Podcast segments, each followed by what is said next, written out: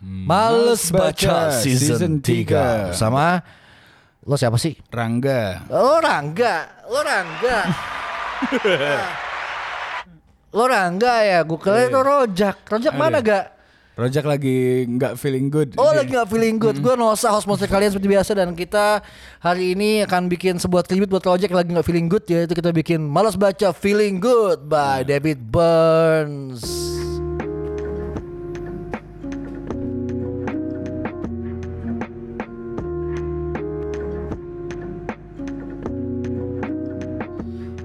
Oke, jadi buku ini bercerita tentang bagaimana kita bisa menjadi feeling good ya. Ini untuk buku-buku untuk orang depresi gitu. Buku self help bukan sih? Buku nggak itu awalnya gue pikir juga buku self help. Cuman ternyata di tengah ke belakang jadi buku neuroscience gitu anjing. Oh. Wah anjing isinya gue jelasin soal synapses, neurotransmitter gitu. Neuro- Hormon-hormon. hormon-hormon anjing pusing banget. Endorfin, endorfin. Endorfin, uh, morfin eh, enggak ya? Serotonin. Serotonin. Serotonin. Cuman uh, gue lebih suka kalau soal kita ngomong neuroscience gue lebih suka appendix yang ada di bukunya Behave karya Robert Sapolsky yang lo kasih tau gue. Oh iya iya. Kalau untuk buku ini bukunya David Embers ini emang awalnya seperti buku-buku self help gitu kan. Jadi kita diajarin bagaimana caranya menghindari 10 tanda cognitive dis- dis- distortion. Jadi menurut dia tuh uh, orang tuh jiwa tuh bisa dilihat dari seberapa distorted kognitifnya. Semua orang itu punya yang namanya cognitive distortion. Itu ada masalah yang dibawa dari kecil gitu ya, trauma-trauma gitu kayak self abandonment issues lah apalah. Maksudnya cognitive distortion apa tuh? Jadi cara berpikir kita itu nggak bisa dibedain sama perasaan kita. Oh. Kita lebih mikir perasaan daripada eh, akal. Nah kan kalau kita di neuroscience kan kita dibagi ya otak kita ada, ada amigdala di tengah-tengah itu yang isinya adalah eh, 4 F itu ya, fight, fuck, fear, flight ya. Iya gitu gitu. Itu kan itu adalah otak kadal gitu kan yang Oh, itu instingtual. bukan yang paling bawah tuh ya, yang di leher belakang. Ya gitu itu nyambung ke otak kadal itu. Ya, Oh. itu li- makanya kalau kita ngomong soal Jim Morrison bilang I am the lizard king, I can do anything itu dia ngomongin otak kadal dia gitu kan kayak gue ngentot sama semua orang gitu iya, anjing. iya, iya. Jadi ketika kita bicara soal itu apa namanya ya kita bicara eh, emosi itu dibentuk di, di tadi itu. Cuman kalau kita ngomongin neuroscience ya neuroscience itu udah bilang bahwa eh, sebenarnya otak itu nggak ada yang bisa berdiri sendirian gitu. Jadi kalau emosi itu dibilang ada di amigdala salah juga gitu. Ada di mana-mana. Cuman memang ketika kita emosional yang nyala paling terang di amigdala. Nyala di, paling di, terang di, di tempat kadal tadi itu tuh. tempat kadal tuh. Oh. Kita takut kan Gue kira emosi itu kualitasnya mamalia ya. Kayaknya kadal reptil itu nggak kelihatan nggak kelihatan emosional sama sekali. Enggak, kenapa dibilang otak otak kadal sih? Otak kadal tuh dibilang karena ini otak paling tua di dalam tubuh kita gitu. Anatominya mirip kayak otak reptil kan? Iya, karena ada di reptil ada di kita. Tapi ya asal mula evolusinya dari otak reptil semenjak dinosaurus ya. Karena kita kan gimana juga mamalia juga berasal dari reptil kan pecahan secara evolusinya kan gitu. Jadi itu memang dimulai dari reptil dan ketika reptil dan dinosaurus dan lain-lain itu apa berevolusi menjadi mamalia ke bawah tuh ke bawah tuh soal apa namanya eh, bagaimana kita bisa berkembang biak Kualitas gitu. kualitasnya lah, kualitas Yoi. kualitasnya. Kualitas ngentot utamanya sebenarnya kualitas kualitas iya ngentot ke kabur berantem, berantem, ya. itu yoi otak kadal kayak kita bilang ya otak kadal nah jadi apa namanya kalau kita ada kata-kata sebenarnya kata-kata Indonesia tuh jelas-jelas loh kayak bisa dikadalin orang gitu kan Eh. kenapa kadal bukan buaya gitu kan Iya. Karena- Lu mau aja dibuayain. ya kan nggak nggak bisa karena buaya juga bentuk kadal gitu Iya, iya, iya. Kad- kadal tuh kayak otak kadal tuh kayak lu dikadal orang tuh lu digoblokin orang ya gitu lo lo dibikin kayak kadal gitu sama orang gitu ya Iya, seakan-akan lu kadal gitu. Iya, soalnya kalau kita lihat ngomong, ngomong otak kadal tuh kayak eh, lo sebagai orang berpikir dengan cara kadal gitu kan, pakai pakai kontol doang gitu. Iya, iya, ya. iya. Terlalu apa driven sama apa nafsu-nafsu binatang. Yo yo yo iya nggak iya nggak penonton, iya nggak penonton. Ya gitu bagus ketawa dong. Jadi mas baca ini sekarang cuma berdua doang soalnya anjing. Lagi berdua doang nih kita. Jadi kita eh, butuh penonton eh, apa namanya imajiner gitu loh ya. Ini apa? Alah, udahlah. apa sih itu kata kata Zizek tuh yang katanya kalau apa pendak ketawa gitu ke penonton dari TV-TV apa eh, komedi-komedi show di TV itu kan Ada gua apa pernah denger tapi apa sih dia bilang tuh yang oh saya ketawa loh ketawa loh. Ah ya ini ketawa semua. Kayak subconsciously lu ketawa sama kita. Maksud aneh banget ini anjing. Anyway, kayak sugesti-sugesti gitu, persuasi lo sudah ketawa gitu. Anyway kita kembali ya ke otak kadal ini kan itu dia dia dia otak kadal tuh emosional banget bro dan emosional tuh nggak ada artinya sebenarnya. Itu adalah sebuah letupan-letupan dari apa namanya dari hormon dan sinapsis lo yang meletak gitu kayak. Tapi dia tidak di- dia tidak logis. Nah ketika kita ngomong logika, logika kan berarti kan sesuatu yang ad- adalah kayak semacam reaksi kita terhadap kenyataan gitu ya. Kalau kita pakai emosi ya kita bisa chaos. Tapi kalau kita pakai logika, kita akan tenang dan berpikir logis gitu ya, berpikir eh, satu tambah satu sembilan dua lah gitu. Kita berpikir bagaimana kita bereaksi sama kenyataan yang apa adanya gitu kenyataannya gitu. Lebih objektif gitu cara berpikir kita tuh ada di prefrontal cortex, yoy. Itu yang paling depan. Paling depan. Paling depan. Di- Yoi. dijaga sama tulang yang paling keras yang ada di seluruh badan kita, tulang jidat. Tulang jidat. Katanya paling keras tuh. Katanya paling keras. Kalau nonton film anime kan semua pakai jidat tuh. Iya, pakai jidat. gerakar anjing. paling keras di seluruh tubuh manusia tuh otak jidat. Eh apa tulang jidat? Tulang jidat. Gila Zinedine Zidat. ya, ini bagus di sini. Ini bagus ini lagi ngapain Gus? Lu ngapain Gus ini Gus? Oh, sedang merancang masa depan dia dengan otak prefrontal cortexnya. Karena otak amigdalanya selesai udah capek bekerja itu untuk galau-galau itu. yang dibilang maksudnya apa kemanusiaan itu kualitas manusia prefrontal cortex yang Yoi. dilindungi sama jidat lo yang keras. Yoi. Iya. Itu bahasa semua tuh prefrontal cortex tuh cara kita berpikir. Nah, eh, David Burns itu ngajarin eh, untuk kita cari red flag kita ketika berhadapan sama cognitive distortion. Ada 10 cognitive distortion di sini. Pertama adalah all or nothing thinking, man. Itu ketika lo berpikir black and white kategori aja. Either dapat apa nggak dapat. Kalah apa menang, tapi tengah-tengahnya itu nggak ada gitu. Jadi kalau misalnya ada orang apa namanya kalau lo sekarang lo kalah gitu ya, hidup lo gagal, lo berharap lo mesti mati gitu. All or nothing oh iya iya. gitu. Tadinya Gitu. gue pikir all or nothing itu sama kayak apa ya? Orang yang gampang ngegeneralisir gitu. Iya, generalisir benar. Gampang Kayak aja. kalau kalau hari ini apa namanya? Oh misalnya hari ini gue dikadalin gitu. Ah. Dikadalin orang. maka Berarti selamanya dunia akan- ini anjing, gitu iya, ya. dan Dunia ini anjing Betul, bangsat. betul. Ini gua akan selalu dikadalin Eh, sampai gua kemanusiaan itu, weh langsung Weh, weh. apa kita langsung lost hope gitu sama Yo, manusia. iya, Padahal cuma dikadalin satu orang doang gitu. Betul, betul. Kayak udah udahlah gua nggak bakal bisa lagi nih diet misalnya. udahlah selesai lah semua ini gitu. All or nothing. Itu itu cognitive distortion yang pertama dan paling sering terjadi gitu. Ketika lo pengen mati karena lo pikir ya udah hidup itu nggak ada gunanya, nggak ada artinya lagi gitu kan lo gagal, ya lo pakai cara berpikir dari ini adalah cara berpikir yang salah. Iya, iya. karena nggak ada nggak ada apa ya? Nggak ada basis-basis logisnya gitu loh. Iya betul, nggak ada basis Lu ngambil narik kesimpulannya dari mana gitu. Yoi. Narik kesimpulannya dari mana gitu. Apakah kalau hari ini uh, gebetan lo nggak suka sama lo, berarti selama ini dia nggak suka sama lo? Ya iya.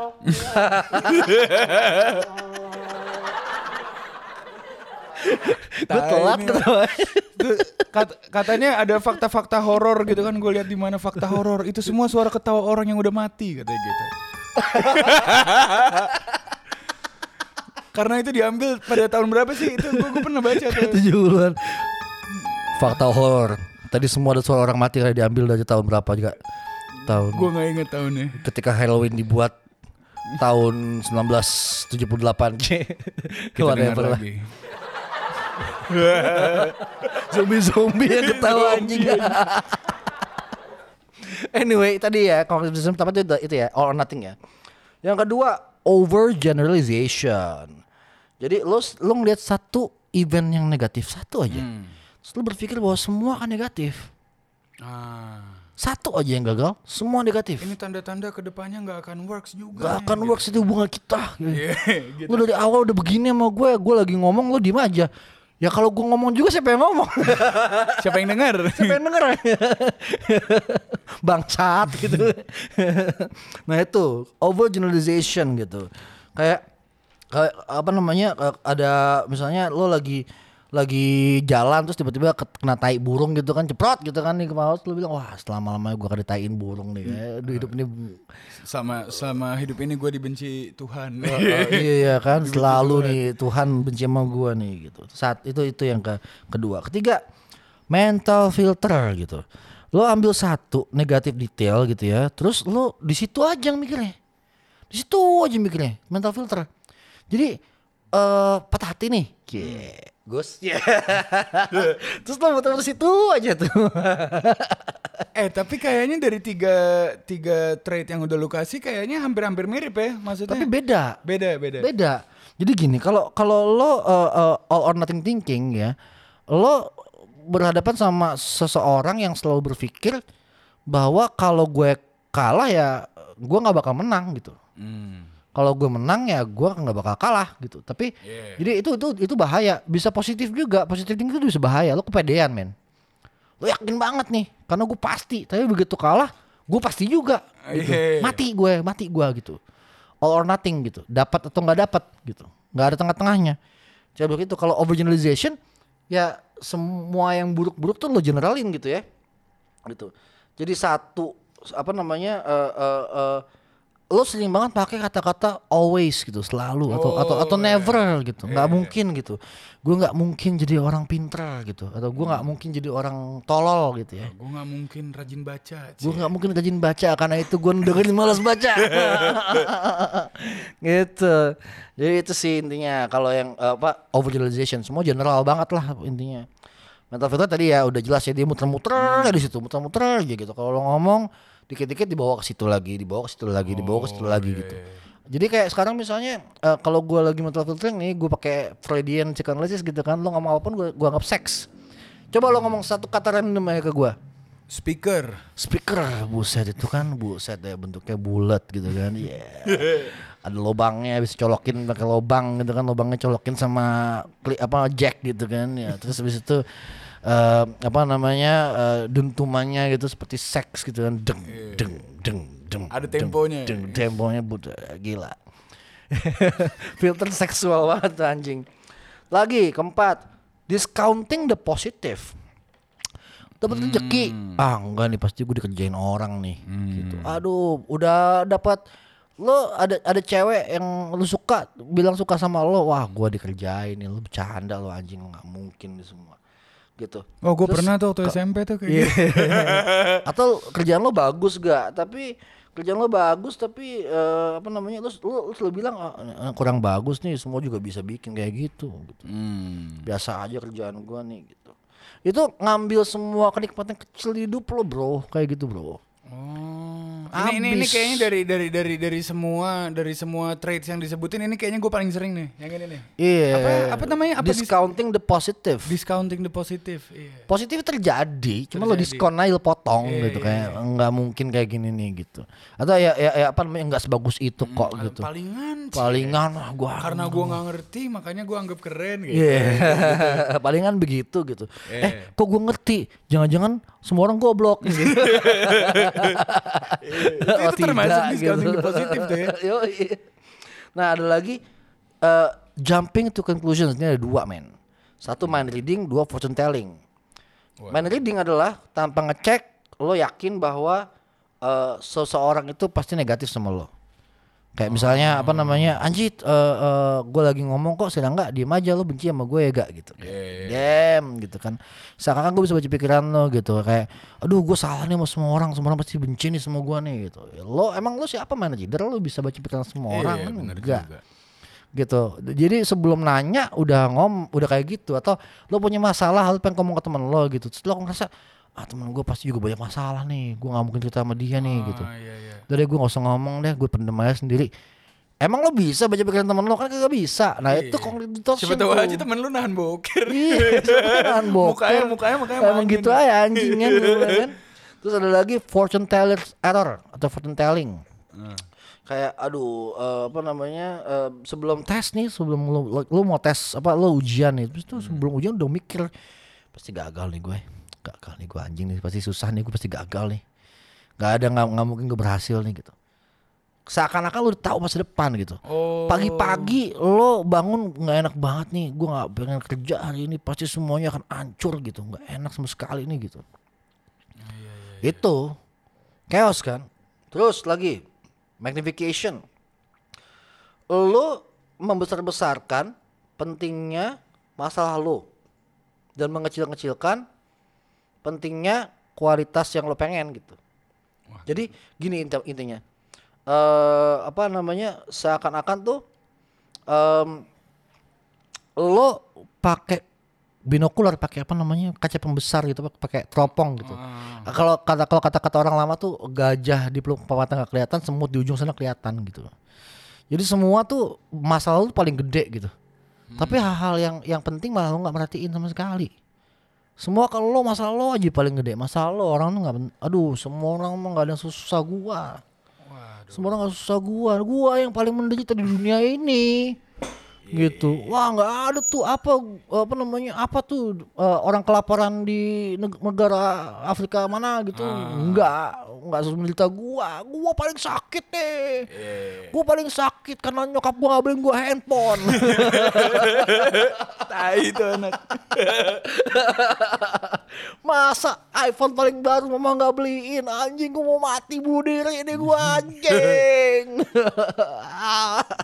Magnification problem bro gitu Lex great banget itu Hmm. gitu Eh, lagi emotional reasoning lo berasumsi kalau negatif emosi itu emosi negatif itu eh, apa namanya pasti menunjukkan kenyataan apa adanya lo percaya sama emosi lo Oh. seandainya Ah, kayak orang yang feeling gue jangan deh gitu. Ah, Eh, iya, iya. Gue. Iya.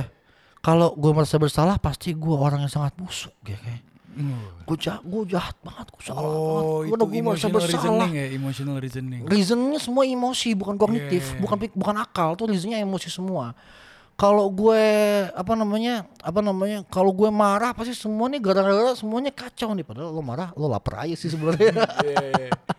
kayak gitu kan kayak gitu emotional reasoning tuh ya apa namanya eh gue marah pasti semua orang ini memperlakukan gue dengan tidak adil gitu atau gue merasa sangat kecil gitu. Ini pasti gue emang emang kecil gue emang kecil gue nih gitu. Atau gue hopeless banget nih pasti pasti gue hopeless beneran nih. Gue pasti hopeless ya gitu. Percaya sama emosi dan emosi itu selalu bohong. Selalu bohong. Itu yang paling penting dilihat. Emosi itu adalah sebuah reaksi terhadap sesuatu, tapi reaksi itu tidak hanya dari luar, tapi dari dalam, Hmm. Dari hormon lo. Hormonal imbalance. Perempuan tuh yang paling jago buat tahu kalau PMS itu dia ngamuk-ngamuk, tapi itu karena PMS, Hmm. bukan karena dunia nggak adil sama dia. Makanya ketika kita ngomong sama feminis yang memang objectively speaking dia haknya direbut apa segala segala ya Biasanya nggak tukang marah-marah. Nggak tukang marah-marah. Ah, iya, iya. sangat struktural berpikirnya gitu. Tapi kalau udah ngamuk-ngamuk ya kemungkinan hormonal juga masalah itu. Iya juga ya. gitu iya kan tapi ya, atau, atau ya teman-teman kita lah yang sering kayak gitu kan yang kayak apa namanya ya re- apa selalu ngamuk-ngamuk gitu dan percaya bahwa dunia tuh nggak adil sama dia atau apa sedih terus sedih terus terus ya udah dan dia merasa itu kesedihan itu beralasan gitu nggak ada alasan emosi sebenarnya Iya, padahal mungkin hormonal imbalance gitu. iya iya lo bisa bayangin kalau Dan itu bisa dipengaruhin makanan juga. bisa gitu-gitu. banget, Heeh. bisa banget gitu. Ini mungkin gua akan dimarah-marah sama aktor-aktor Stanislavski ya yang method acting gitu kan yang bilang oh orang sedih tuh gimana. Hmm. Tapi kalau dia aktor yang jago dia akan tahu bahwa bagaimana reaksi seorang karakter dengan dengan keadaannya tuh nunjukin bagaimana cara dia sedih gitu. Bahwa sedih itu tidak bisa cuma dibilang dia meringkuk dan dia menangis. Oh. Sedih bisa macam-macam bentuknya tergantung kondisi, situasi dan hormonal si karakter ketika kejadian terjadi. Ada orang sedih yang nangis-nangis. Ada orang sedih yang ketawa. Gitu. Ada orang sedih yang cuma diem aja tuh senyum-senyum gitu. Itu. Dan eh, kesedihan itu bisa di-share ya, emosi itu bisa di-share sebenarnya, tapi lo tau nggak lo pernah nggak nonton film yang nangis-nangis tapi lo nggak nangis, lo nggak kerasa sama Ya sekali ya ya ya. itu gagal itu filmnya karena naratifnya nggak disampaikan cuman rasanya doang yang pengen kelihatan nggak ngaruh ke Iya, kita iya, iya. Kayak sedih, sedihnya kan eh, sedih itu punya kayak wajah yang macam-macam ya. Misalnya lu bilang tadi orang sedih bisa eh, ketawa gitu. Itu kan seakan-akan tanpa kata dia bilang sama kesed- kesedihannya tuh sama masalahnya kayak bro bro lu lagi nya." Ya, anjing Gitu deh. kan. Kayak ada satu kisah keren banget tentang eh, apa namanya muridnya Stanislavski Stanislavski ini apa namanya eh, apa eh, guru acting realis gitu ya. Dia dia bapak acting realis dunia gitu. Dia cerita di bukunya The Actor Prepares itu tentang seorang murid dia namanya Vanya. Jadi dia ngasih set panggung, ceritanya sederhana banget. Ceritanya ada seorang perempuan yang lagi mandiin anaknya digedor-gedor sama landlord sama apa namanya yang punya kontrakan disuruh keluar dari kontrakannya. Jadi anaknya dimandiin di apa namanya di ember, digedor-gedor dia keluar, dia ngamuk-ngamukin sama bapak itu. Balik abis itu kamu mesti malam ini cabut dari sini ya. Iya Pak, iya Pak gitu kan. Dimasuk ke, ke kamar mandi lagi anaknya mati tenggelam di bak mandi di ember. Nah, pertanyaannya dari Stanislavski kemudiannya gimana cara eh, apa yang terjadi kalau kamu mengalami kejadian kayak gitu gitu. Orang-orang yang naik panggung semuanya nangis, teriak-teriak, histeris gitu, kecuali Vanya. Abis dia mandiin anaknya, dia keluar, kadang duduk kan, marah-marahin, dia cuma senyum-senyum sedikit, ya dia janji dia akan keluar, masuk ke kamar mandi, anaknya mati, dia diem, dan nah tuh, dia diem dan diambil itu mayat anaknya, terus dia peluk, dikasih aduk dan dia nyanyi. Nina Bobo, oh Nina Bobo, Nggak nangis sama sekali tuh. nangis. Kalau tidak bobo digigit nyamuk gitu. Itu tenang anaknya. Gitu. Itu yang nangis penonton. Iya. Dia nggak nangis. Karena buat dia penderitaan tuh udah separah itu kan suaminya kabur, dia sendirian, ekonominya hancur, Usir bapak. diusir dan dia juga nggak tahu anaknya gimana kalau hidup sama dia di jalanan. Hmm, jadi Begitu ada, an- ada bright side-nya juga ya. Iya begitu anaknya mati ya, ya penderitaanmu berakhir nak selesai. Itu chaos dan itu cara sedih yang buat gue seorang karakter dapat banget tuh apa sedihnya tuh. Jadi kadang-kadang nggak usah nggak usah kayak gitu. Nah ngomongin soal emotional reasoning gitu ya, itu sedihnya sangat tidak emosional, sedihnya tuh sangat logis. Logis dong anaknya mati dan nyanyiin, direlain gitu. Hmm, Tapi kan sedih kita lihat anjing gitu. Yoi, jadi itu yang kira-kira apa namanya kita bisa lihat di eh, poin ke tujuh tadi. Poin ke delapan, should statement atau harus, semua harus. Lo bilang ke diri sendiri eh, bahwa semua harus sesuai dengan apa yang lo harapkan. perfeksionis gitu, mirip-mirip Perfeksionis perfeksionis gitu ya. gitu. Jadi eh, apa namanya harus terjadi, harus bagus gitu. Tapi kalau enggak, kalau nggak sesuai dengan apa harapkan, ya apa namanya lo patah. Lo Lu patah. lu lu nggak nggak nemuin lagi alasan kenapa lu ngelakuin ini pada awalnya. Iya. gitu. Kayak anjing gue nggak sempurna nih. Aduh hancur nih. Gitu. Harus Itu mi- Harus mirip, sempurna. mirip mirip all or nothing. Apa tadi yang pertama? all or nothing. Cuman Iya. ini bukan all or nothing doang. Ini eh, semua apa namanya shoot ini, shoot statement ini adalah ketika lo berhadapan sama orang yang mengalami kekecewaan di hidupnya dan dia langsung depres dan nggak bisa ngapa-ngapain lagi. Tapi bedanya sama or nothing gitu, or nothing tuh kan apa eh dia nggak nggak ngamuk-ngamuk. Tapi kalau shoot ini keluarnya bisa ngamuk-ngamuk gak? Hmm. bisa nggak terima karena harusnya nggak Oh, begini iya. nih harusnya nggak begini nih gue lagi apa namanya lagi di jalan nyetir ada yang nyalip Hmm. gue ngamuk harusnya nggak boleh gitu kejar tabrak gitu kan nggak boleh gitu anjing lo gitu atau apa namanya eh, lo lagi bikin project sama temen lo temen lo ngaco gitu. Hmm. lo tonjokin anjing lo nggak boleh gitu harusnya nggak gitu gitu. Jadi nggak mesti cuma all or nothing ya. Ini intinya lo bisa lo menjadikan ini alasan untuk emosional terus. Oh iya iya iya. karena harus harus sesuai dengan mau lo harus begini harus begitu. Kalau kata yang keren kata yang sering kita pakai control freak. Control freak. control freak harus harus gitu. Gitu. Jadi ini bisa juga diarahkan ke diri sendiri jadi guilt and frustration gitu jadi guilt and frustration gitu terus Blaming blaming yang berlebih-lebihan. Heeh, betul betul blaming berlebihan. Terus habis itu juga yang ke sembilan labeling gitu. Labeling itu extreme form eh, dari all nothing. Jadi all nothing udah udah udah ekstrim sebenarnya. Cuma labeling ini lebih ekstrim lagi. Lo melabeli diri sendiri bahwa lo adalah seorang yang kalah. Lo adalah loser. Lo adalah eh, bajingan. Lo adalah eh, apa namanya goblok gue goblok.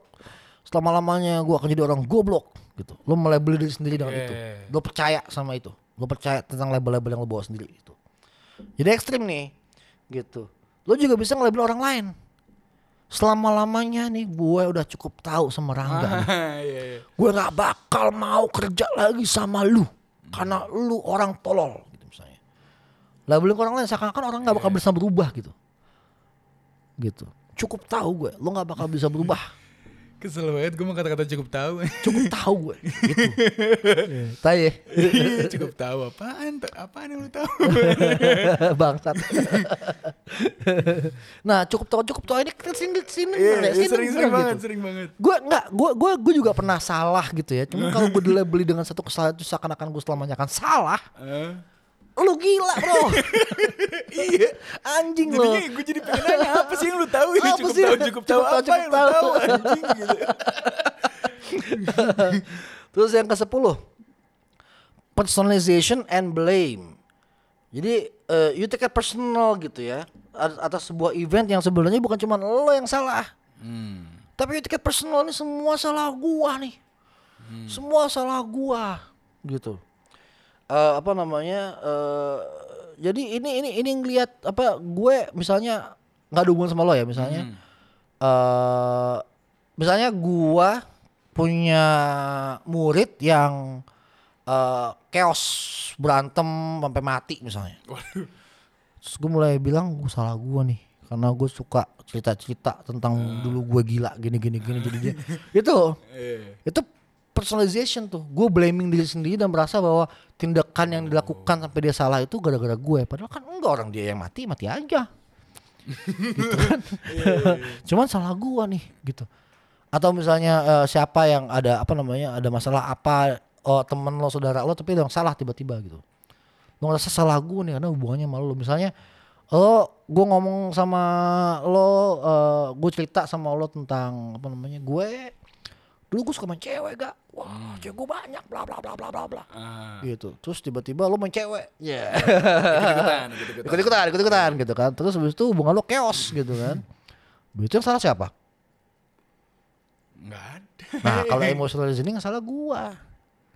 Eh, emotional eh enggak sorry sorry. Apa? personification. Personification. Eh, per- per- personalization. Personalization. Gue I'm taking that personal gitu. Itu salah gua nih. Padahal yang kayak lo bukan gua kan. Tapi salah gua jadi atau juga blame blaming blaming others atau blaming diri sendiri nah personalization juga bisa disebut sebagai apa sih yang the world revolves around you jadi seakan-akan eh, dunia ini berputar buat lo doang sendiri Iya, setiap ada kejadian atau apa, kalau nggak untuk g- karena lu karena gitu. lu dan kalau ada kesalahan bisa juga yang lo salahin semua orang Iya. Lu nggak salah. Semua orang jahat sama gua. Semua orang nih kompak bikin gua hancur begini nih. Semua orang di dunia nih anjing sama gua nih. Itu. Personalization, take it personal dan seakan-akan semua tuh soal lo. Nggak bor, nggak gitu bor. Dan aneh ya, dari masing-masing kualitas ini, em, mungkin eh, pada awalnya gue denger tadi, nih kayaknya eh, ini hal-hal yang dialami sama orang-orang blow on kali ya gitu. Tapi ternyata enggak. Banyak kualitas-kualitas yang tadi gue denger tuh, gue misalnya adalah gue gue gue punya teman di luaran tuh gimana? Oh nih, kayaknya dia begini nih orangnya nih yang tadi lo sebutin. Ah, iya. Dan itu orangnya bisa bisa bisa pinter. Iya, iya Orang emang bisa, pinter, bisa, maksudnya bisa, dia bisa. dia dia pinter, dia diajak ngomong logis bisa, tapi ada satu keadaan yang bisa nge-trigger dia buat kayak gitu, gitu. Habis itu kan jadi Unreasonable gitu. iya. Iya, unreasonable gitu percaya. Ya karena sekongkol orang ini ini, ini. Ah. Ah, apaan sih gitu. Iya, iya. Ah. Gue juga banyak temen kayak gitu dan gue pernah juga kayak gitu. Gue Hmm. sering banget kayak gitu. Gue sering banget kayak gitu dan ada terapi-terapi sebenarnya, cara-cara untuk tahu apakah karena semua orang kayak gitu at one point gak, Iya, termasuk iya, lo, iya. termasuk gue. Tapi ada cara-cara untuk kita tahu red flagnya di mana nih, kapan kita Hmm. kayak gitu. Gitu. Ada cara-cara untuk tahu dan untuk bergerak dan untuk menjadi orang yang fungsional lagi. Kenapa? Karena 10 tadi secara ekstrim, kalau 10 cognitive dissonance tadi membuat lo tidak bisa kerja, tidak bisa bergaul, tidak bisa ngobrol lagi sama orang, itu penyakit mental. Itu penyakit mental itu. Udah nggak lo harus dapat pengobatan medis. Cuman coba lo cek dulu aja sendiri gitu. Nanti kita akan ngobrol habis ini cara ngecek diri sendiri gimana cara kita tahu bahwa kita punya 10 trait itu. Gitu. Kita akan cek sendiri dan memang kalau ternyata memang kita punya ya jangan malas baca lagi dengerinnya lo bisa ke psikoter apa ke psikolog gitu ya karena kita nggak bisa ngebantu gue bukan kita bukan siapa siapa di sini gitu Yang kan ada malah bikin makin gila. Yo, makin gila ntar kan. Oke. Nah, eh, sambil kita eh, apa namanya kalian merenungi yang tadi yang 10 tadi ya, kita akan break dulu selama 1 2 menit enggak sih? Cepet kok selama lagu ini doang. Itu kita akan ketemu lagi di Malas Baca podcast untuk mereka yang malas baca dan pengen kelihatan pinter dan dan apa gak? Dan dan keren. dan keren. Keren nggak? Kalau lo kelihatan pinter lo keren. Iya, Lihat, keren. tapi jangan pinter beneran. pinter beneran nerd man, gak keren Iya, man. Kalau kelihatan pinter keren. Iya, kata pinter keren, keren. Oke. Iya.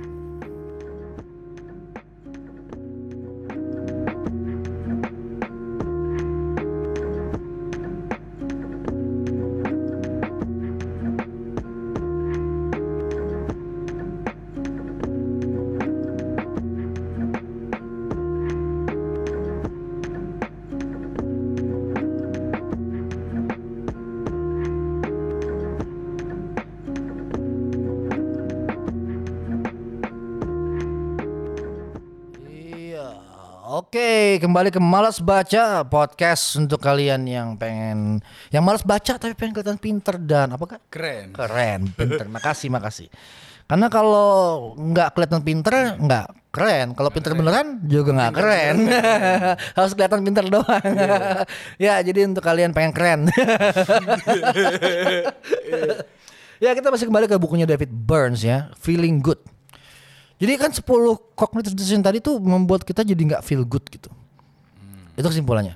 10 cognitive decision bikin kita nggak feel good. Terus gimana caranya untuk feel good gitu? Karena kan feeling kan salah ya. Iya, iya. Nah, Nah, ada ini ini ini ini juga ini juga rada-rada pertanyaan gue nih. Gimana, Kalau gimana? Misalnya ini semua bikin kita nggak feel good, cara bikin feel goodnya gimana gitu? Karena to some extent ini semua mungkin ada gunanya juga. Maksudnya kayak kalau bahasa orang bilang mawas diri gitu misalnya. Hmm. Kita selalu apa namanya eh, menjaga perasaan orang lain atau apa segala macam. Cuman semua yang tadi lu sebutin ini kan jatuhnya udah ke titik ekstrim yang sampai bikin lu nggak bisa function kayak Hmm. sampai ke titik blaming yang akut sampai ke titik gimana. Nah ini gue ngomong kayak gini pikiran gue rada-rada all or nothing nih. Hmm. Kalau mau di nggak adain semua itu jadi megalomaniak gitu malah. Yoi. Nggak, eh, sebenarnya permasalahan tuh gini ya, eh, eh, yang dipermasalahkan sama Burns adalah ketika lo bereaksi secara berlebihan atas sebuah hal yang logically speaking jangan begitu. Wajar gak kalau orang sedih itu wajar. Orang sakit patah hati itu wajar. Yang nggak wajar kalau patah hati terus pengen mati suicidal gitu itu nggak wajar kalau lo disalip di jalan terus lo kejar lo tabrak tuh nggak nggak nggak nggak wajar. Gitu. To some extent gitu. Tapi gimana ngukurnya apa yang wajar nggak wajar? Jelas gampang. Ngukurnya gini. Ketika ada orang menyakiti lo misalnya gue ngomong sama lo gak monyet lo gue gituin. Terus perasaan lo gimana? Sakit. Ya iya dong dihina. Cukup tahu gue semua lo lo dihina tuh. Ya kan? Dihina tuh cukup tahu bahwa lo nggak bakal bisa bagus semua hidup lo gitu itu kan gue menghina lo Hmm. gue marah sama lo Hmm. salah siapa gue marah Salah lu sendiri. kenapa salah gue Em, Oke, mungkin penyebabnya tuh karena ada hal-hal yang outcome-nya nggak nggak sesuai mau lo ya. Mm-mm. Cuman untuk sampai eh, marah dengan cara yang kayak gitu, Hmm. seharusnya lo bisa milih untuk enggak. exactly Ah.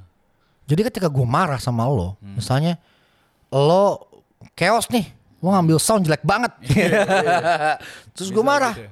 gue marah sama lo tapi itu yang marah bukan prefrontal cortex gue yang marah tuh amigdala gue yang otak takut kadal, otak kadal. otak kadal gue takut bahwa ini chaos gue nggak bisa memperbaiki ini bakal mahal bla bla bla itu otak kadal gue tuh yang bikin khawatir fear chaos gue Tapi kalau kita pakai kognitif yang benar, itu nggak menyelesaikan masalah sama sekali kan? Iya, bukan solusi. Gitu. Bukan solusi, itu reaksi yang nggak nyelesain masalah.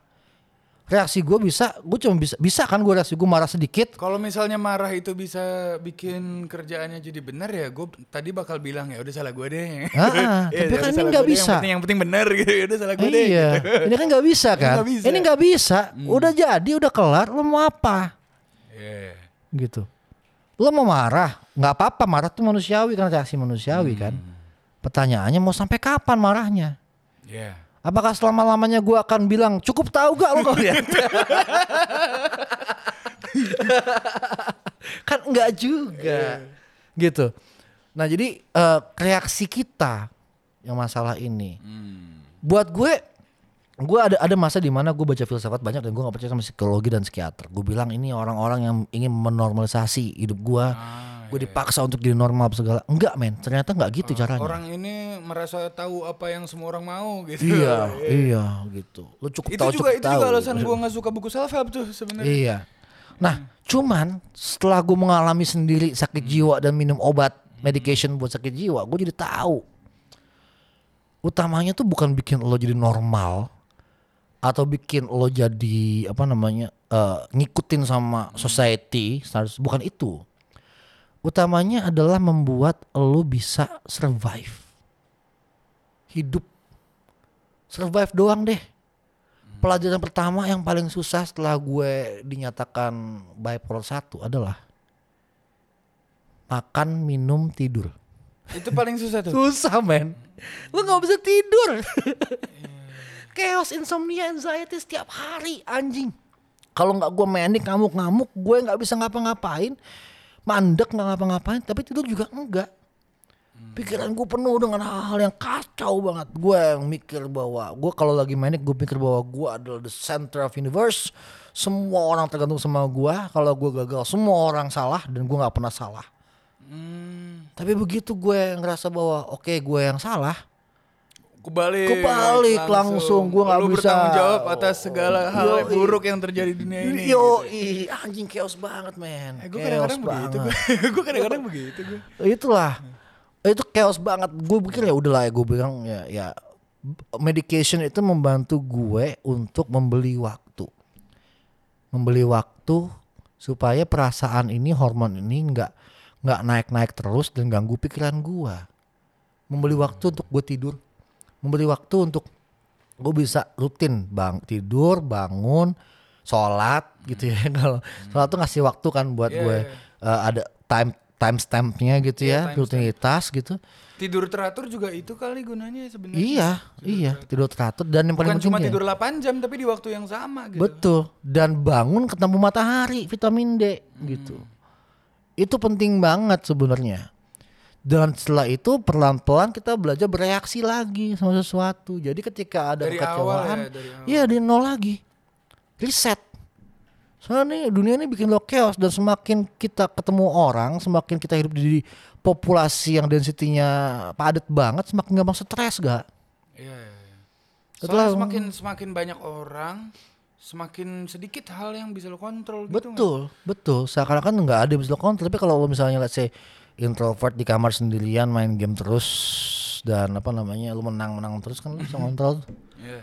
Atau kalaupun lo kalah lo bisa beli token atau apa yang bisa bikin lo menang gitu ya. Whatever that is yang ngasih lo sense of control gitu. Which is susah dalam dunia kerja yang rame-rame. Syuting apalagi syuting itu kan one of the worst job ever to have control. Iya. Fuck. Iya. Jadi apa namanya? In a way eh ada beberapa cara untuk tahu nih. 10 tanda dekoratif itu apa kalau butuh bantuan apa enggak. Gitu. Sampai ke titik mana lo baru butuh bantuan profesional? gitu? Betul, betul. Pertama, cara taunya adalah kalau lo sampai nggak bisa kerja selama berhari-hari, nggak bisa bangun. Kalau bangun juga pas mulai kerja, pikiran lo tuh berisik banget sampai lo nggak bisa kerjain apa pun, nggak bisa ngapa-ngapain, nggak bisa ketemu orang, gitu. Atau kebalik, lo kerja terus Tapi Sampai lu nggak nggak bisa bisa, istirahat, nggak bisa Iya. diem. Nggak bisa istirahat. Otak lu terus bekerja terus terus. Ketika lu pulang tidur pun lu ngeliat handphone terus, lu nggak tidur sama sekali. Tiba-tiba lu jam 6 pagi, lu bangun terus lu mulai kerja lagi. Nggak berhenti berhenti. Atau lu tidur terus nggak bangun bangun. Tiga hari empat hari tidur, bangun makan doang sebentar, makan boker tidur lagi. Nggak bisa, nggak bisa kerja. Gue udah nggak nggak bisa, nggak bisa fungsional lo selalu butuh orang lain buat ngempanin lo makanan kayak bayi. Karena kalau nggak dimpanin makanan lo nggak makan. Berarti lo udah disfungsional tuh men. Iya, iya. Udah kelihatan tuh. Nah sekarang lo detect aja. Lo detect. Cara detectnya gimana? Cara mendetek sejauh apa penyakit lo ini. Gitu. Sebelum ke dokter ya. Saya lo betul lebih yakin lagi ya. Sebelum gue lebih yakin lagi. Coba aja. Coba lo nulis. Bisa nggak? Kalau nulis aja nggak bisa. Ya cara lain berarti. Tapi let's say lo bisa nulis. Perasaan lo. Kenapa lo begini? Perasaan dulu deh nggak apa-apa. Oh nulis nulis nulis perasaan kita kita bukan nulis apaan aja. Hmm, perasaan lo aja. Pertanyaan utamanya biasanya gini, pertanyaan utamanya how's life today? How's your life? Coba lo jawab pertanyaan gue, how's your life, Rangga? Kan lo hmm dulu kan? Hmm, gitu kan? How's your life? Gimana ya? Belakangan nih gue jawab beneran ya. Jawab beneran, jawab beneran. Gue ngerasa better dari berapa tahun terakhir, tapi bagus juga enggak. iya, enggak belak belakangan tuh gue lagi sering lari gitu, sore sering-sering jalan lah, jalan sore apa segala macam. Enak malamnya, malamnya nggak nggak banyak mikir. Maksudnya terus terus gue lagi sering nulis, ya nulis apa aja, nulis. Maksudnya kemarin-kemarin itu sempet nggak bisa tapi bisa bisa nongkrong. Bisa nongkrong bisa keluar ngobrol. Pulang ke rumah nggak bisa. Maksudnya gimana ya? Nongkrongnya kayak nongkrongnya itu kalau di kasus lu tadi kerja kali mungkin. Cuman karena gua nggak kerja jadinya nongkrong gitu. Di rumah gua kayak zombie. Res- iya kayak zombie Eh, gitu kayak ya. zombie kayak udah gitu. Gitu. Dan itu ternyata setelah gua sadarin berapa ya sebulanan belakangan lah gua mulai mulai bikin rutin kemarin gue bertahun-tahun ya lumayan lumayan bertahun-tahun kayak gitu Hmm. ngapain ya ya sekarang agak better sedikit tapi masih rada gitu Oke, nah kalau lo kalau merasa kayak gitu bisa nih lo lakukan hal kayak gini misalnya nih ya. Lo sebelum tidur nih ya kalau kata David Burns ya, lo sebelum tidur bisa ng- ngisi sebuah schedule buat besok. Besok lo mau ngapain nih gak rencananya bangun tidur? Lo kasih skor, skor malam itu sama besok malam lo kasih skor besok malam. Jadi misalnya gini, besok pagi gue bangun jam 8 pagi dan gue rencananya mau mandi gitu atau gue mau eh, gampang deh atau yang udah biasa deh po- polanya gue nggak mau ke mana-mana. Rasanya gue lagi depresi banget. Besok gue bangun gue akan tidur lagi. tapi di, tapi dijadwalin Jadulin. Gue bangun akan tidur lagi besok. Hmm. Gitu. Terus pasti rasa skornya berapa tuh? Skornya berapa? Kalau udah bangun tidur lagi skornya berapa? Pasti nggak enak tidurnya. Skornya dari 1 sampai 10 mi- minimal lah, minimal.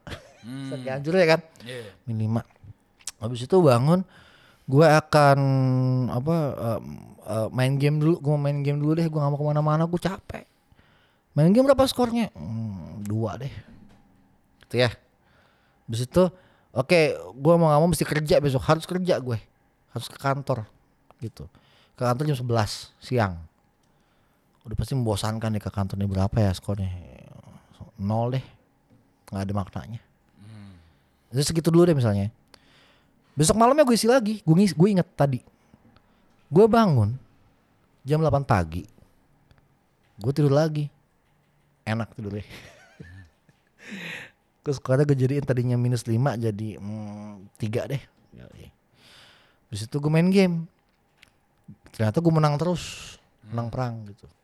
Waduh menang perang di game nih. Senang gue 7 gitu. Udah gue ke kantor kan. Kemarin gue nilai nol ke kantor. Tapi karena tadi gue main game ke kantor gue jadi girang. Terus gue dengerin musik terus gue nyanyi di mobil. Oke, sembilan deh. Sampai kantor makan misalnya. Kemarin makan deh, tapi pasti gak enak nih. Wah, Lima deh gitu. makanannya nggak enak lebih nggak enak lagi oh ya udah dua nggak apa-apa turun nggak masalah kalau kenyataannya turun nggak apa-apa tapi dari situ lo akan lihat bahwa apa yang lo pikirin tadi malam sama yang hari ini itu pasti satu beda nggak bakal sama. Kedua eh, kemungkinan lebih baik daripada yang lo pikirin hari ini. Iya sih. kalau tadi malam lo mikir tentang hari ini gitu. Oh. Ngeset ekspektasi gitu ya. masih ekspektasi gitu. Nah kalau ekspektasi semua ketinggian lo menik tuh. Semua akan hebat besok. Semua akan keren gitu. Begitu besok lo main game kalah lagi nyetir mobil ditaiin burung sampai kantor picingan nggak tembus duit nggak ada gitu. Chaos lah. Iya. gitu. Itu cara kedua tuh itu. Jadi pertama nulis bisa nanti ketika lo nulis gue tanya soal hidup lo lo nulis coba ketika lo nulis di sebelah kanan nih misalnya lo tulis sebelah kanan nih hidup lo gitu. Sekiranya kosongin setelah seminggu gitu ya coba buka lagi halaman yang kemarin. Terus lo baca terus lo sendiri. Lo kritik diri sendiri. Rangga hari Sabtu mengkritik Rangga hari Senin. Hmm. gitu. Hidup gue daripada kemarin baik sekarang lebih baik sih se- sebenarnya gitu. Karena kemarin gue gini-gini aja terus habis itu ya tapi dikit lah gitu. Sabtu lo bilang enggak bro banyak. Bedanya banyak banget. Pas dipikirin dan dirasain tuh beda banget be- bedanya banyak banget gitu Terus lo mau boleh ngomong bahwa ekspektasi lo selama ini salah. Atau lo misalnya marah sama orang lo tulis misalnya lo kecewa sama satu orang temen lo siapa gitu ya. Anjing nih gue udah dateng disuruh dateng orang nggak ada gue nunggu lama maunya apa sih gitu. Gitu. Tapi minggu depannya lo baca lagi ya lo kok ngambuk-ngambuk sih gini doang gitu. Hmm. Jadi kayak malu gitu ya. kayak malu. Jadi lo bisa ngeliat bahwa gue berkembang bro. Gue berkembang dan perkembangan gue yang awalnya gue pikir pelan enggak. Gila tinggi banget perkembangan gue. Kerjaan yang kelar tambah banyak. Produktivitas tahun 2019 sama 2020 sama 2021 gitu. Kelihatan naiknya. Hal kayak gitu kan nggak kelihatan kalau lo depresi kalau lo kena iya. 10 10 tanda itu lo nggak kelihatan sama sekali tuh. Gitu. Ada banyak lagi cara di buku itu banyak banget caranya. Yang kita yang gua nggak mungkin bahas di sini karena bukunya lumayan tebel ya tapi intinya dia juga bahas tentang bagaimana em, obat itu berpengaruh untuk kita karena obat sebenarnya kayak membuat eh, stimulan-stimulan hormon gitu. Itu kenapa orang-orang yang nyimeng dan kebanyakan nyimeng itu susah bahagia. Karena cimeng itu me- apa namanya me- mendorong serotonin naik terus. Dan ketika nggak ada bugs, nggak naik-naik. Ketika udah lo dari bugs juga udah biasa, dia nggak naik-naik juga. Abis kadar kebahagiaan lo. Gitu. Dan seperti halnya emosi yang lain, bahagia pun kalau menurut Noah Harari ya itu kimiawi. Hmm. Karena otak lu produksi banyak hormon-hormon itu. Mm-mm. Ya, apa sih endorfin apa Mm-mm. sih? Endorfin dan serotonin. Endorfin itu hormon, serotonin itu neurotransmitter. Oh. Neurotransmitter. Gitu. Ditembak-tembakin tuh sama apa namanya? sinapsis lo. Tak, tak, tak, happy lo, happy lo, happy lo. Dia nggak ada. Gue sedih banget anjing gitu. Iya, makanya apa namanya wear off-nya kalau gue baca di internet wear off-nya orang make apa kayak ekstasi gitu. Itu bisa sampai seminggu. Oh ih. Bisa sampai seminggu lu apa datar gitu. Heeh. Padahal pas pas itunya kan wuh gitu, pas pas masih berasanya tuh udahnya datar gitu. Bahkan bisa cenderung bad mood katanya. Iya. Intinya sih semua stimulan-stimulan ini ya. Apa ya? Mungkin bagian dari otak lu yang produksi hormon seneng itu capek gitu kali ya. Jadi Yoi, capek, capek, selesai di situ. Cuma selalu ada cara-cara sih untuk untuk apa namanya menstimulan itu dengan alami juga banyak kan meditasi lah, olahraga lah, apa banyak caranya gitu. Cuma ya lo mesti tahu aja untuk gimana cara itu gitu. Termasuk juga ibadah juga buat banyak orang membantu gitu untuk untuk meningkatkan kembali hormon-hormon itu secara Kalau sains. kalau kalau kata Rocky Gerung apa kata yang, yang dia yang dia dimasalahin karena bilang Agama itu fiksi. Agama fiksi iya. Lu berdoa, sholat apa segala macam, Hmm. sama lu eh, baca novel, nonton film yang seru dan lain-lain, hormon yang dihasilin sama katanya gitu. hormon yang dihasilin sama di otak. Ngomongnya di ini lagi di TV. Yo, Gimana nggak diributin orang banyak.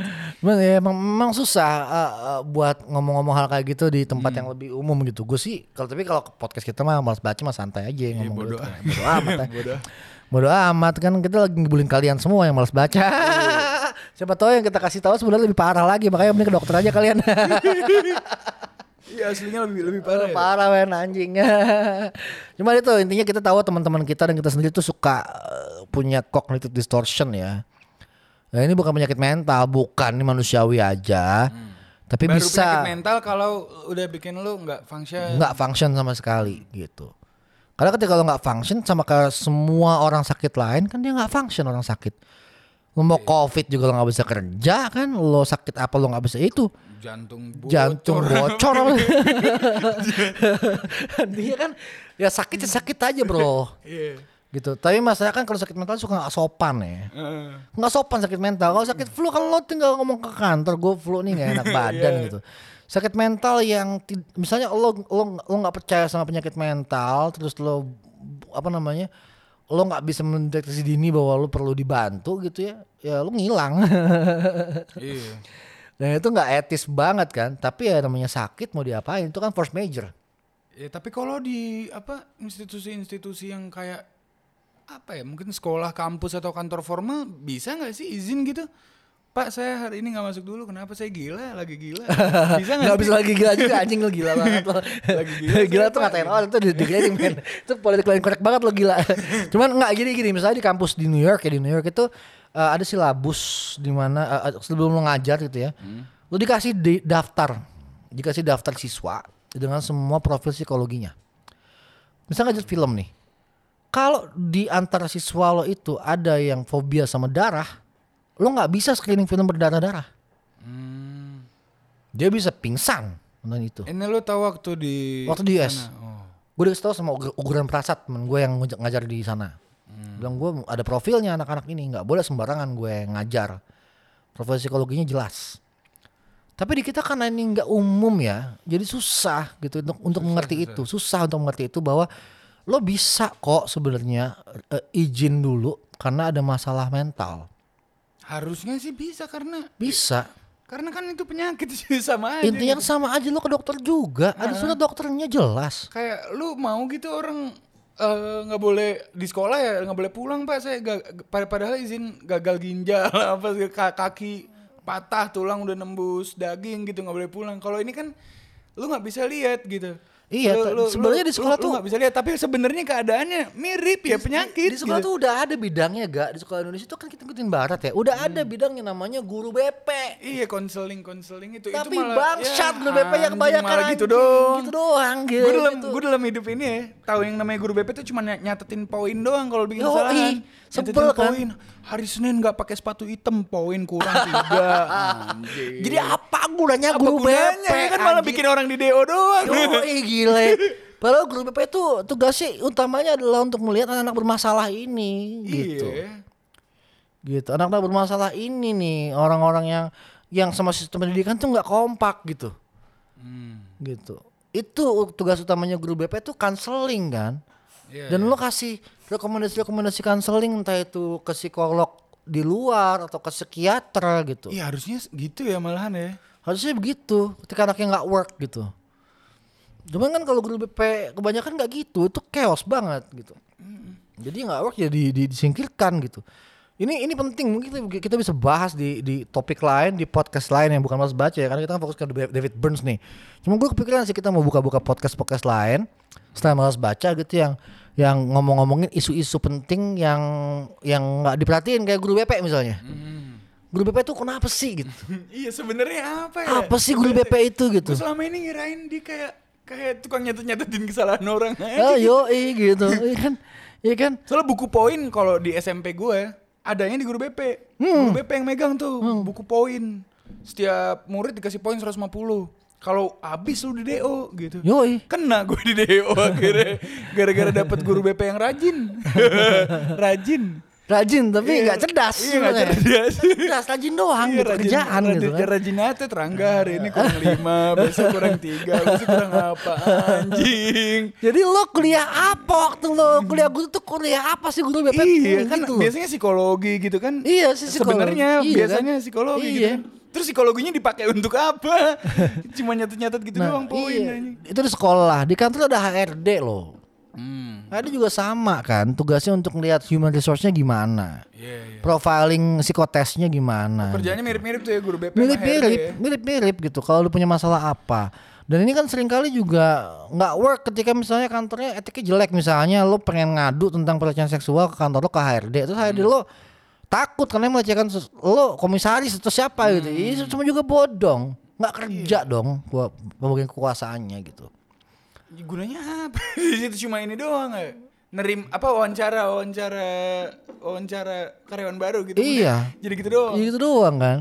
Ya intinya banyak hal-hal di dunia yang, yang kita sudah ada strukturnya tapi slotnya masih kosong kawan-kawan. Jadi untuk anak-anak psikolog lagi anak psikolog yang mau lulus atau yang sudah lulus yang jadi guru BP ini keluhan-keluhan kami tolong didengar ya. Iya iya iya. Keluhan-keluhan kami kalian tidak kalian tuh bisa mengenal 10 tanda kognitif distortion tadi itu dari anak-anak kalian gitu dan gimana caranya mengandalkan me- me- memperbaiki itu gitu. Gitu. Jadi apa namanya? Jangan jangan ragu-ragu guru BP menurut gue mesti nongkrong lah, ikut nongkrong sama bocah-bocah lah, yang nyimeng bareng gitu kan kayak. Eh dulu gue di SMP tuh guru BP-nya semuanya modelnya yang nyatut-nyatut itu kan. Hmm. Ada satu guru BP yang hobi nongkrong sama eh, anak murid. Hmm. Sampai ngobrol sama anak murid gue lu. Waktu itu gue masih kelas 1 dan kebetulan guru BP gue bukan dia. Jadi gue ngeliat senior-senior gue ngobrol sama dia gue lu. Wah lu ini ini ini. Gak lama kemudian dipecat. Gue gak tahu salahnya apaan. Aduh. Karena mungkin terlalu dekat sama murid-muridnya Iya, kali terlalu ya. deket. Aduh, padahal Onizuka itu anjing. Iya. Aduh. Ya cuman itulah, itulah buat gue eh ini kita telat gak? Banyak orang yang terlambat mengetahui soal mental health, mental illness ini. Menget, eh, karena itu menurut gue kalau kita ketemu sama om-om atau tante-tante kita yang terkenal sebagai orang gila yang anjing kawin mulu nih orang nih anjing kawin udah 8 kali. Mungkin dia bipolar itu kan. Ah. hyperseksual gitu. Iya, atau eh, nih t- apa namanya om kita nih nggak bisa kerja sama sekali nih dia nyusahin keluarga. Mungkin dia depresi. Itu itu di setiap di setiap keluarga ada tuh kita. ada tapi itu kan berarti di- tidak dimengerti kan. Iya. tidak ada konteks itu. Makanya tadi gue bilang obat juga ada gunanya selain ngasih gue waktu untuk jadi manusia normal juga ngasih gue waktu untuk membuat dunia gue apa itu dunia gue dunia di mana orang-orang gue didik untuk tahu gue sakit apa. Oh. Untuk mengerti gue Wah, bahwa ini ada loh penyakit ini. gitu. Ada. Bukan cuma karena kurang beriman atau Bukan apa kalau ya. beriman Iya. gitu. kalau katanya Alisa Syahmina di Mondi ada Nosa 101 namanya Hmm, no sawan awan. Iya dia bikin kayak semua orang kenal gue tuh bikin nosa nosa Hmm. awan. Kalau gue ngamuk sama lo, gue maki-maki lo, itu gue kumat aja. Jadi lu jangan bawa ke hati gitu. Oh. kayak gitu-gitu. Gue Hmm. lagi manik aja nih, gue kerja gila-gilaan. Gue ah, lo- balik itu itu ya. Kalau lu tahu nosa awan lo santai aja. Dan gue memperbanyak workshop nosa awan buat semua orang Oh. supaya gue bisa hidup dengan norm dengan dengan normal quote unquote ya dalam satu konteks ya Hmm. gitu orang bisa menerima gue apa adanya gue juga akan memperbaiki diri toh gitu dan gue nerima juga kalau ada orang ng- ngasih red flag ke gue "Eh, red flag nih lo chaos nos oh iya oke gue chaos Gua Oh iya iya. time out time out gitu ya itu dulu sih sebenarnya. Hmm. gitu. Oke eh, sudah hampir satu jam kita tinggal, tinggal dua menit lagi. Oke podcast ini adalah ini adalah episode 1 dari season 3 podcast malas baca bersama Nosa dan Dan Rangga, ini pertama kali gue jadi hostnya. Yoi. Makanya tadi pas di awal-awal kaku banget. Wah tapi lama-lama udah asik nih. Kita Lama-lama nanti udah episode mulai. 2 lebih asik lagi gitu.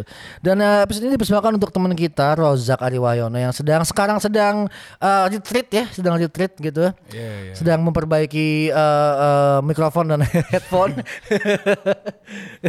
supaya eh, dan diharapkan dia cepat eh, balik eh, menjadi semula ya, semangat dan ketawa-ketawa lagi. Kita kangen dan kita rindu sama dia.